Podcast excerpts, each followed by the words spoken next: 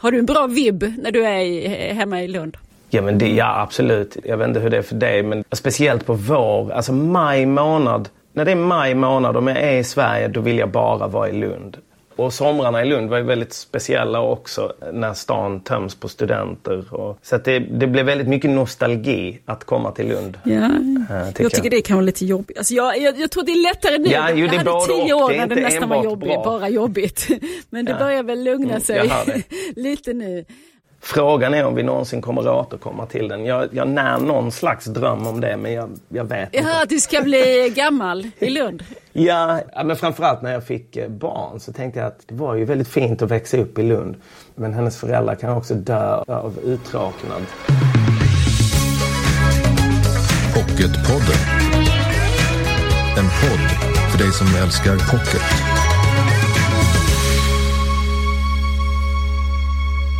Jag har tänkt mycket på Jason Diakités bok En droppe midnatt den här våren. Jason, kanske mer känd som artisten Timbuktu, han skriver i sin familjebiografi vad hans pappa lärde honom. Låt aldrig den vite mannen se dig på knä. Ge honom ingen anledning utöver din hudfärg som du ändå inte kan göra något åt att avfärda dig. Det här vill jag prata med Jason om och vad som hände på högstadieskolan i Lund där vi båda gick. Och sen lite senare ska vi kolla in det senaste från danska thrillerförfattaren Jussi Adler Olsen. Avdelning Q är tillbaka. Välkommen in, jag heter Lisa Tallroth. Hej Jason Diakité. Hej Lisa. Välkommen till Pocketpodden. Tack så mycket, tack för att jag får komma. Skitkul. Ja, du sitter på ditt håll i Skåne ja. och jag i Stockholm. Ja. Men det tar vi oss över. Men du, den här våren nu i maj så hände det ju ännu en gång att eh, en svart man i USA dog till följd av polisingripande och Black Lives Matter-rörelsen fick förnyad kraft. Den har ju funnits länge och det här händer liksom då och då. Men hur har dina tankar gått den här våren? Ja, det är ju som du säger, det har hänt förut och den gamla sorgen och ilskan rivs upp igen helt enkelt rasism är en kumulativ upplevelse. Det vill säga att jag minns ju och har tillgång till alla minnen och upplevelser och erfarenheter av rasism som jag har varit med om i mitt liv. Och på något sätt så hamnar allt det i samma känslomässiga avdelning i min kropp som, som är ganska stor, måste jag säga. Och när man ser ett så makabert mord som som den här polismannen utsatte George Floyd för så river det upp allt igen. Det är något speciellt som händer när jag ser den filmen. För jag ser också en del av mig i George Floyd och en del av min pappa och en del av mina fastrar och min farbror och mina kusiner.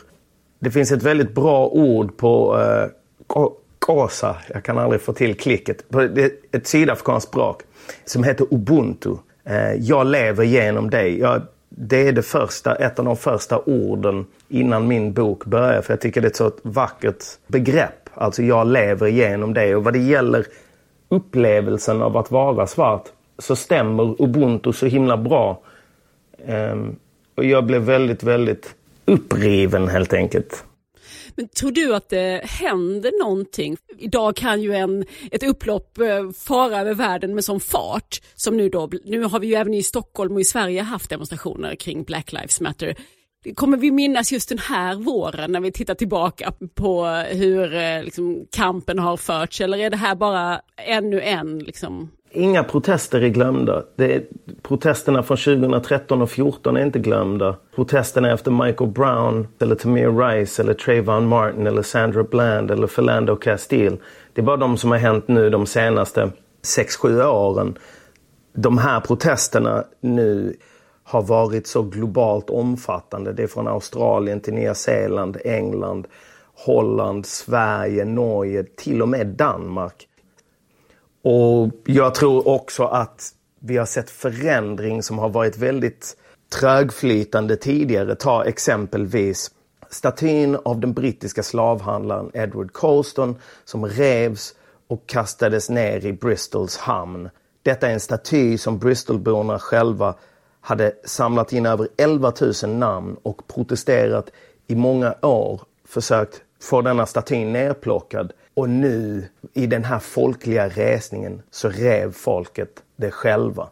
Den svarta populationen i Bristol idag är deras förfäder är just karibiska slavar. Så att en man som har sålt och dödat deras förfäder hyllas varje dag på en offentlig plats i deras stad är ju givetvis någonting som är ett pågående trauma för alla som lever i det.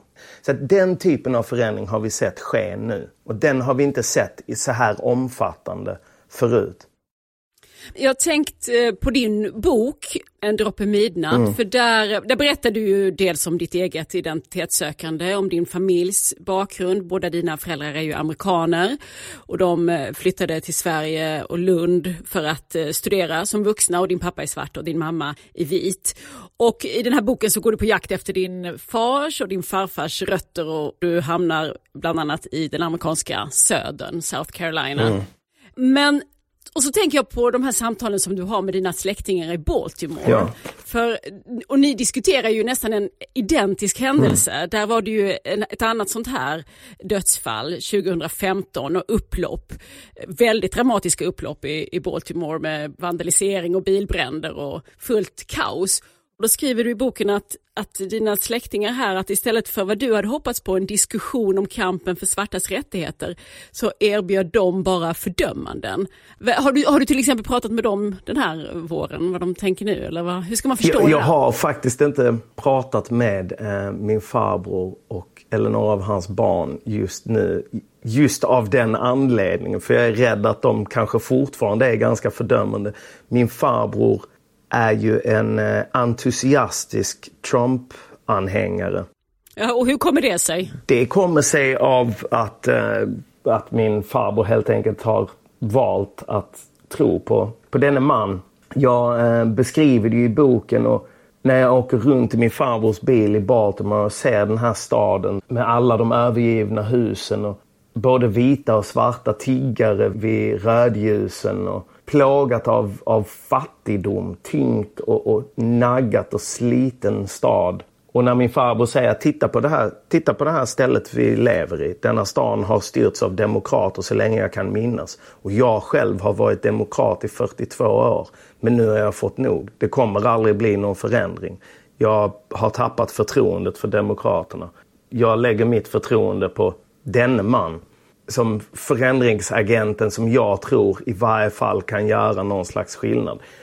Jag kan se var han kommer ifrån i det även om jag personligen inte känner som honom. Men jag har heller inte levt med så konkreta påminnelser och levt i en så konkret fattigdom som min farbror och hans familj har i Baltimore i din familj är det inte så att det också liksom representerar lite det här som, om vi i ena lägret har Martin Luther King och i andra Malcolm X. Den ena vill vara mer konfrontativ och den andra vill vara mer förlåtande eller försonande i förhållande till de, de vitas övergrepp. Skär inte det där lite genom din släkt också? Jo, absolut. Förhållningssätten? Det, det radikala, det reformistiska, det respektabla.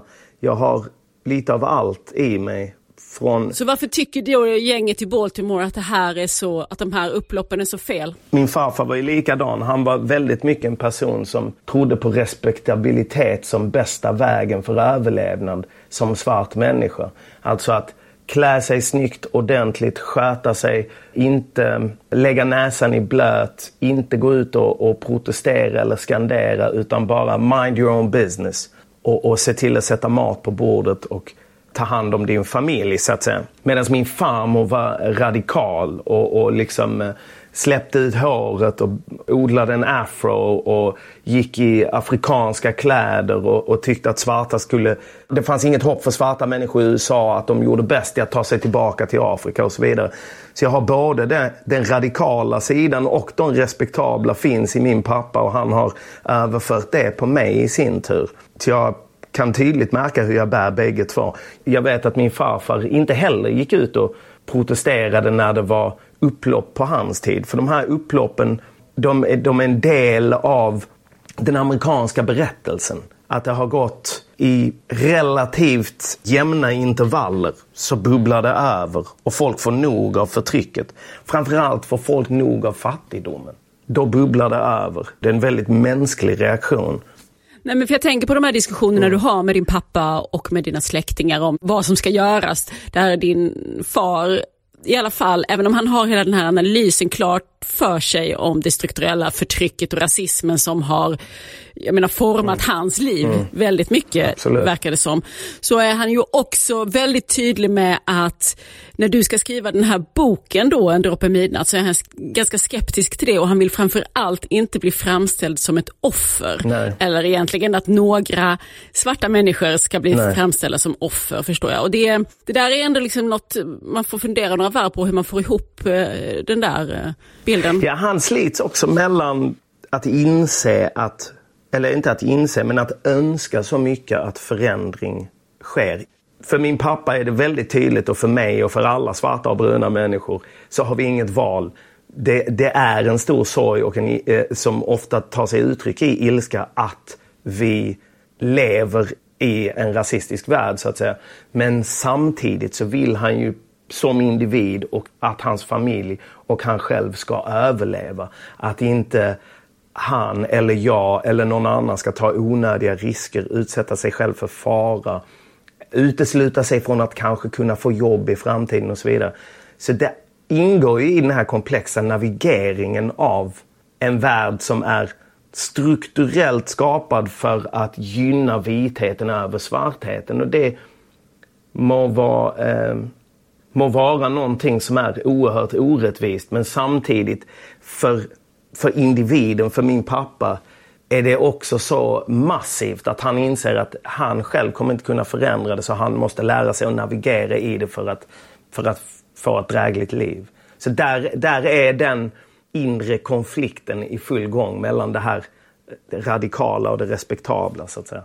Ja, och han bestämmer sig ju också för att han måste lära dig mm. det här. Mm. För du växer ju inte upp i Harlem eller i sydstaterna utan i Sverige, ja, Inte precis. så långt från mig faktiskt. Vi gick på samma skola till och med. Exakt. Så att vi, vi och det är ju liksom eh, på många sätt eh, tror jag att liksom lilla Lund var en skyddad verkstad. Mm. Definitivt jämfört med, med Harlem, Absolut. min gissning. Absolut. Så jag tänker, men då bor ni där och eh, då vill ju ändå din pappa att du ska vara medveten om medveten om din hudfärg och mm. att det, det finns stora risker att du kommer behandlas illa på grund av den hade han kunnat låtsas som ingenting och ge Nej. dig en annan, alltså bara ta det för självklart. Då hade han brustit i sitt föräldraskap om han inte hade lärt mig hur jag skulle navigera i denna värld.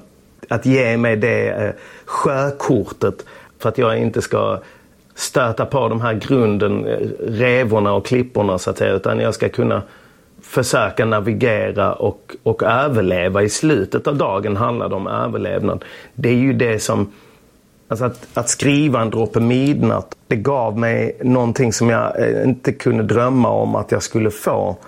En närhet till mitt sammanhang. Jag, jag såg mig själv i sammanhanget av att inte bara vara en individ i en, i en familj men att tillhöra en hel en hel linje av människor. Alla dessa förfäder, både på min mamma och pappas sidor, sida, som alla har uppoffrat, haft mod och framförallt överlevt. Som i sin tur har gjort mitt liv möjligt.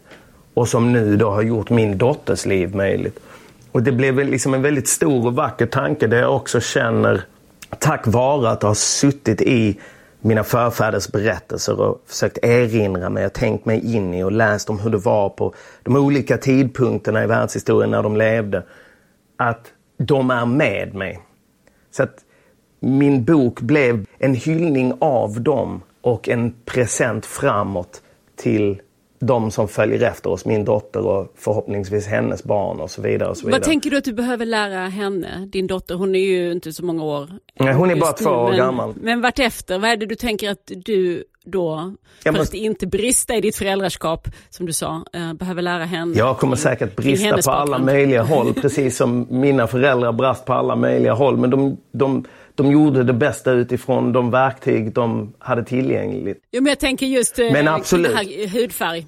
Ja, jag kommer behöva lära henne allting om hur världen fungerar och framförallt vill jag ge henne eh, tidiga och tydliga upplevelser av att det definierande hos människor sitter inte i hudfärgen, det sitter inte i, i kön eller religion eller någon typ av tillhörighet eller läggning.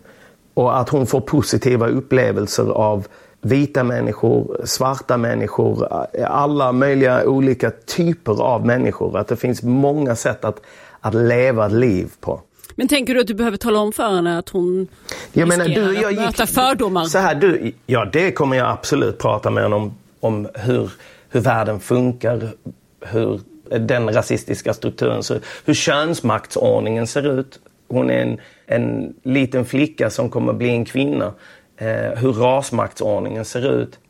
Så att säga. Men titta bara på vår skola där vi gick, Lisa, Tunaskolan mm. i Lund. Jag började där i klass 1. Jag kom från Östra Torn där det fanns barn och, och vuxna, men där det bodde människor från hela världen. Det var många eh, icke-europeiska eh, studentfamiljer som bodde där. Så du hade mycket sydamerikaner som hade flytt, flytt från Sydamerika. Du hade människor från Östafrika och från Västafrika och några amerikaner och några från Karibien och, och en massa eh, vita svenskar. Och det var ett, ett område med sann mångfald så att säga. Men jag gick i skolan från klass 1 på Tunaskolan. Där var alla barnen vita och kom mest från eh, professorstan, så var medel och över, övre medelklass och överklassbarnen som gick där. Och där gick jag med dem. Och sen i klass 7, då kom alla barnen från Östra Torn och mm. började på Tunaskolan. Och då, och då kom också jag. Och då kom också du från Mortenskolan, precis. Och, ja. och, då, och då, blev, ju då blev Tunaskolan, eh, så från klass 7 till 9 så fanns det en mycket bredare mångfald. För då hade du barn från olika samhällsklasser med olika bakgrund. Och då, lär, då lär man sig i en tidig ålder att så här, ah, det handlar inte om hur den här personen ser ut. Det handlar om, har vi kul ihop eller är den personen snäll mot mig? Sen kan den personen vara svart eller vit eller man eller kvinna. Eller, eh, men från klass 1 till 6 så var det inte så överhuvudtaget. Alltså det är liksom skillnaden för dig. För jag, för jag när jag läste boken här och du skriver om åren på Tunaskolan så förstår jag det som att du har, du har det rätt jobbigt där i låg och mellanstadiet. Men när jag sen eh, lär känna dig och vi ses i korridorerna i, på högstadiet, då uppfattar ju jag dig som en av de coola killarna. jo men det förändrades mycket för jag kände mig nog mest som en, en tönt.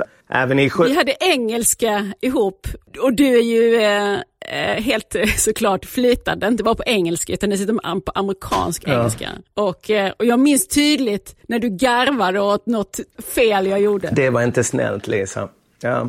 Nej, jag bara... Så här, eh, jag, det, det, var min ja. upplevelse. Jo, men, men, exakt. Och från sjuan så förändrades hela Tunaskolan för mig. Jag avskydde Tunaskolan från ettan till sexan och brakade i princip med samma grupp pojkar varje dag som kallade mig rasistiska glåpord så fort de kände för det så att säga. Och sen i sjuan så bara, då började liksom Claudio Bermejo som var liksom skolans allra coolaste kille som Kladde. sprang snabb, Kladde, han sprang snabbast i 60 mm. meter, han var bäst på fotboll, bäst på handboll. Då fanns det någon som såg ut som jag som var en uh, unisont hyllad hjälte så att säga jag upptäckte hiphopen jag hade börjat åka skateboard. Men jag har också blivit äldre och fått lite mer vokabulär och så vidare. Däremot så var jag skadad av de här första sex åren. Och jag blev ju en mobbare själv. Det var det jag trodde var rätt eller det jag trodde jag behövde göra för att ja, men liksom klara mig genom skoltiden. Så oerhört, oerhört fel. Sådana saker vill jag ju prata med min dotter om. Utan att ta fokus från eh, rasismen så var ju högstadietiden också en extremt sexistisk period. Alltså, för mig var det ju en helt vidrig tid. Det var ju när man när som helst kunde bli kallad hora. Det var ju någonting som sades utan att någon reagerade. Mm, mm. Eller... För jag har ju funderat på det där, vad såg jag eh, till mm. exempel av rasism på Tunaskolan? Även om, för när jag kom in då i högstadiet så var det som du beskriver, det var rätt blandat och jag har jag verkligen tänkt, var man, var man så jäkla blind eller man inte tänkte på det, men för mig var inte det någon För mig var det mer de här, det fanns de som var liksom, det fanns gränslösa personer. Sen eh, kunde de ha växt upp i villorna i Professorsstaden eller de kunde ha växt upp eh, på Östra Torn. Det var, ganska, alltså det var mm. mer den. Det handlar liksom, inte om hur de såg ut. Så att... som, jag, som stressade mm. mig. Så kanske vi är många som mm. fungerar. Mm. Nej men jag tror också att, att vi lärde oss den här kulturen av olika förtryck så tidigt säger ju mest någonting om hur skolan inte lyckades implementera en bättre kultur utan bara släppte det ansvaret helt. Men för hur ska man liksom då koppla ihop den här Black Lives Matter-rörelsen? För du är ju väldigt förankrad i USA såklart med den familjebakgrunden, dina föräldrar är amerikaner och så.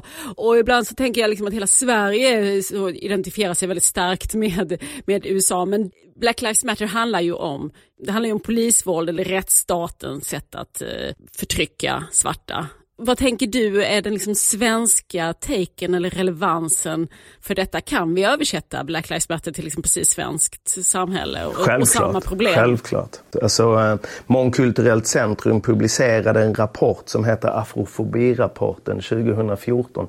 Den beskriver väldigt tydligt och har vetenskapligt underbyggd data på hur förtrycket av svarta och bruna människor ser ut i Sverige. Att rasistiska strukturer existerar i Sverige är ingen nyhet för svarta eller bruna människor i Sverige. Så att Black Lives Matter är ju bara ett, eh, det är en fras. Som det är så sorgligt att den behöver sägas 2020. Att behöva säga, vet ni vad? Vi måste skrika att svarta liv betyder någonting. För annars hör ni inte oss. Och vi måste skrika det högt. Och om och om och om igen. För att våra upplevelser och erfarenheter säger att samhället inte tycker att svarta liv betyder lika mycket som andra liv. Och sen så i Sverige så tycker jag det också blev väldigt tydligt hur motståndet mot alltså både fördömande och försök att trivialisera eller delegitimisera eller, eller att antirasism är farligt för eh, för den svenska yttrandefriheten. Alla möjliga villospår och rökridåer. Och, så att det, allt det gör det väldigt tydligt för mig att vi har vår väg att vandra med våra förtryckande och diskriminerande strukturer i detta landet. Holland har sina, England har sina, USA har sina. De har samma rötter men de tar sig lite olika uttryck. Jag är inte i ett möte med en svensk polis, är inte jag rädd då fruktar jag aldrig för mitt liv. Och jag har blivit rasprofilerad av polisen i Lund, Malmö, Stockholm, Uppsala. Mer gånger än vad jag kan räkna. Vad menar du med det? Rasprofilerad är alltså att du misstänkliggörs på grund av din hudfärg. Och hur vet du att det är det? Men det har jag inget gjort? bevis på. Men efter, men efter tillräckligt många gånger, när man inte har gjort någonting fel och blir stoppad av polisen för att de vill kolla att man inte har gjort någonting fel. Om man vet till exempel om min vita kompis hade kört bilen, då hade vi inte blivit stoppade. För min vita kompis har aldrig blivit stoppad av polisen. Men jag har blivit det varje gång. Alltså att rasprofilering händer i Sverige, det händer i alla länder. Fråga någon som bär slöja om de någonsin har blivit profilerade. Eller något butiksbiträde som har gått efter dem i en butik kanske någon gång. Detta är en verklighet för, alltså, det är ju det att igen behöva sitta och övertyga att rasism existerar känner jag eh, är mindre mindre intressant för mig. För att det är så tydligt att det gör det och det, det är så tydligt att de här frågorna, att den här, det här omkvädet Black Lives Matter behöver sägas även här. Nej, det betyder inte exakt samma sak som i USA. Men det kommer från samma ställe, det kommer från samma upplevelser men som tar sig lite olika uttryck. Mm. Jo men de där erfarenheterna ju, behöver man ju lite få klart för sig. Alltså... Om man tittar på hur, hur framgångsrik kampen för jämlikhet mellan könen har varit i Sverige så är det ju väldigt hoppingivande. Du läser mycket förstår jag. Det går i perioder. Faktiskt har pandemin varit min sämsta läsperiod på många år. Eh, vad har du gjort istället? Du har eh, skrivit Jag har skrivit ganska mycket. Eh, det blev intressant det här med pandemin. Vilken effekten av att det bara skalade bort alla ens yttre lager upplevde jag det som. Alla möten och alla livespelningar och allt sånt försvann. Så att jag lite gick tillbaka till min kärna och vem är jag i kärnan? Är jag en rappare? Så jag har skrivit mycket raptext och skrivit lite annan text. Och jag har börjat spela in en podd med min vän Marcus Samuelsson. Han bor i Harlem och jag bor här. Marcus är kock och driver flera restauranger och pandemin har varit väldigt svår för honom rent utifrån hans business men också för hans familj. Och ett tag var ju det, New York det stället i världen med högst koncentration av coronasmittade människor. Och jättemånga dödsfall och så vidare. Vi ser att podden handlar om eh, våra liv och världsläget. Och just nu har det ju varit väldigt mycket Black Lives Matter eftersom det är någonting som ligger nära våra hjärtan av förklarliga skäl.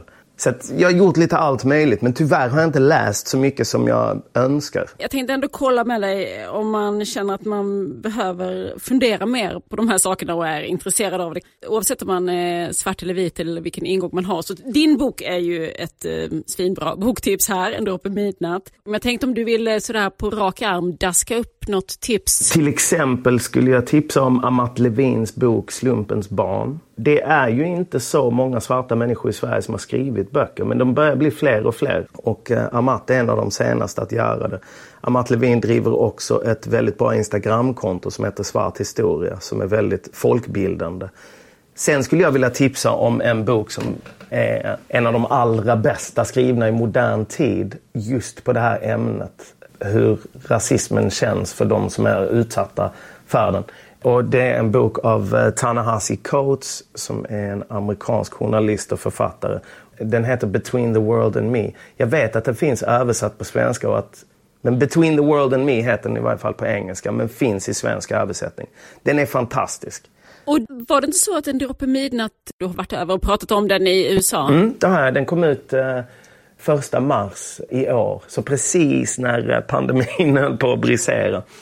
Det är ganska intressant. Ja, I USA finns ju en, en väldigt hög medvetandegrad kring de här frågorna. Och såklart en mycket högre medvetandegrad kring sin egen historia.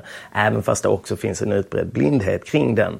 Eh, jag skrev i boken på svenska för en svensk publik och jag visste att jag skulle behöva kontextualisera ganska mycket för att jag antog att det eventuellt kunde vara första gången för vissa läsare att konfronteras med de här tankegångarna. Medan i USA finns det ju så oerhört mycket böcker kring dessa frågor så att säga. Det som ändå förvånade mig är att det är fortfarande många som för första gången konfronteras med de här frågorna. Vita amerikaner alltså? Ja, det har varit eh, många vita amerikanska kvinnor. Folk i min mammas ålder och väl yngre som har skrivit till mig och skrivit jättefina kommentarer. Men även eh, svarta amerikaner. Men, men som är mer sådär, jag, för dem tror jag det speciella med min bok är just att det också att det är en amerikansk berättelse men den också innehåller det här exotiska elementet av Sverige. Det är ju många som inte har någon egentligen större uppfattning om Sverige. Så det tycker jag är ganska häftigt också att få prata med amerikaner om Sverige. Att de, nu har ju Sverige tack vare Corona seglat upp eh, och blivit ett land som det skrivs om i världens alla tidningar så att säga. Ja. På gott och ont. Och det låter ju i boken som att ni håller på med någon film också. Min gode vän Simon Klase håller på med en dokumentärfilm om detta. Han var ju med mig. Min pappa ville inte åka med mig till South Carolina och jag vågade faktiskt inte åka själv. Då när jag skulle åka till Allendale, den här lilla staden i South Carolinas inland där tiden har stått still. Så ville jag ju först åka med min far, men min far ville inte. Och då sa min kompis Simme att ja, men jag hänger med dig.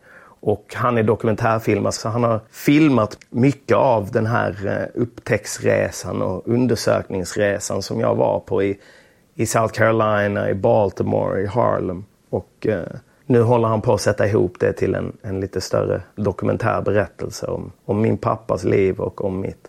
Den ser jag fram emot, men boken är alltid bäst som vi brukar säga. Ja, så är det ju absolut. Så att En droppe midnatt heter alltså Jason Diaketés bok. Tusen tack Jason. Tack Lisa. Pocketpodden. En av Danmarks stora thrillerförfattare heter Jussi Adler Olsen, välkänd också för svenska läsare. Nu kommer en ny pocket här i sommar. Den heter Offer 2117 och det är den här avdelning Q som man har skrivit om tidigare som vi får följa återigen. Och jag läste att Berlingske, den stora danska tidningen, tyckte det här var den bästa i serien om just avdelning Q. Anneli Eriksson, redaktör på Bonnierförlagen. Den här avdelning Q, vad är, håller de på med? Avdelning Q eh, befinner sig i Köpenhamn hos polisen och de ska lösa gamla fall. Eh, och där finns kommissarie Karl Mörk, Assad som också är kommissarie och eh, sekreteraren Rose. Det är de som är kärnan i den här gruppen. En cold case-grupp låter det som. Ja. Mm. Det börjar med en spansk journalist som åker till Cypern där han ska skriva om en flyktingbåt som har kapsejsat. En av de drunknande är en äldre kvinna som skiljer sig lite från mängden. Han fotograferar henne och tänker att det här ska bli en bra story. Men det visar sig snart när han kommer tillbaka till Spanien att kvinnan har blivit mördad och att det är flera andra tidningar som redan har börjat nysta i det här. Eh, ungefär samtidigt i Köpenhamn så är det en medarbetare på avdelning Q, inte en av de viktiga kan man säga, inte Karl, Assad eller Rose som vi har fått följa i alla delar, utan det är en i, i deras närhet som avlider plötsligt. Och eh, Assad och Karl och Rose blir inkopplade i det här dödsfallet och det visar sig också att Assad har kopplingar till den här kvinnan som har drunknat på Sypen. Och det här sätter igång en, en jakt på eh, mördare och terrorister ute i Europa och eh, Mellanöstern. Det blir väldigt spännande. Så det är en bladvändare och det låter som att det är en ganska mycket samtidsberättelse också med eh, migration och eh, terrorism. Precis, Adler Olsen är väldigt bra på det att skriva om de här samtidsfrågorna och här handlar det mycket om flyktingsituationen. Och han berättar det utifrån flera olika berättare. Det blir verkligen ett driv i historien. Jussi Adler Olsen alltså och den här senaste delen nu aktuell som pocket heter Offer 2117. Tusen tack Anneli Eriksson. Tack.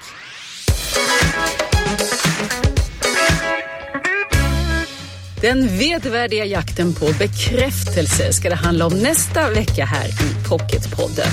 För den är brutalt och befriande skildrad av Sofia Rönn Pessa i romanen Männen i mitt liv. Och vilka de där männen egentligen är, det ska vi prata om nästa vecka när Sofia kommer hit. Lyssna på det. Tills dess, följ oss gärna i sociala medier. Där heter vi Älska Pocket och jag heter Lisa Tallroth. Hej då!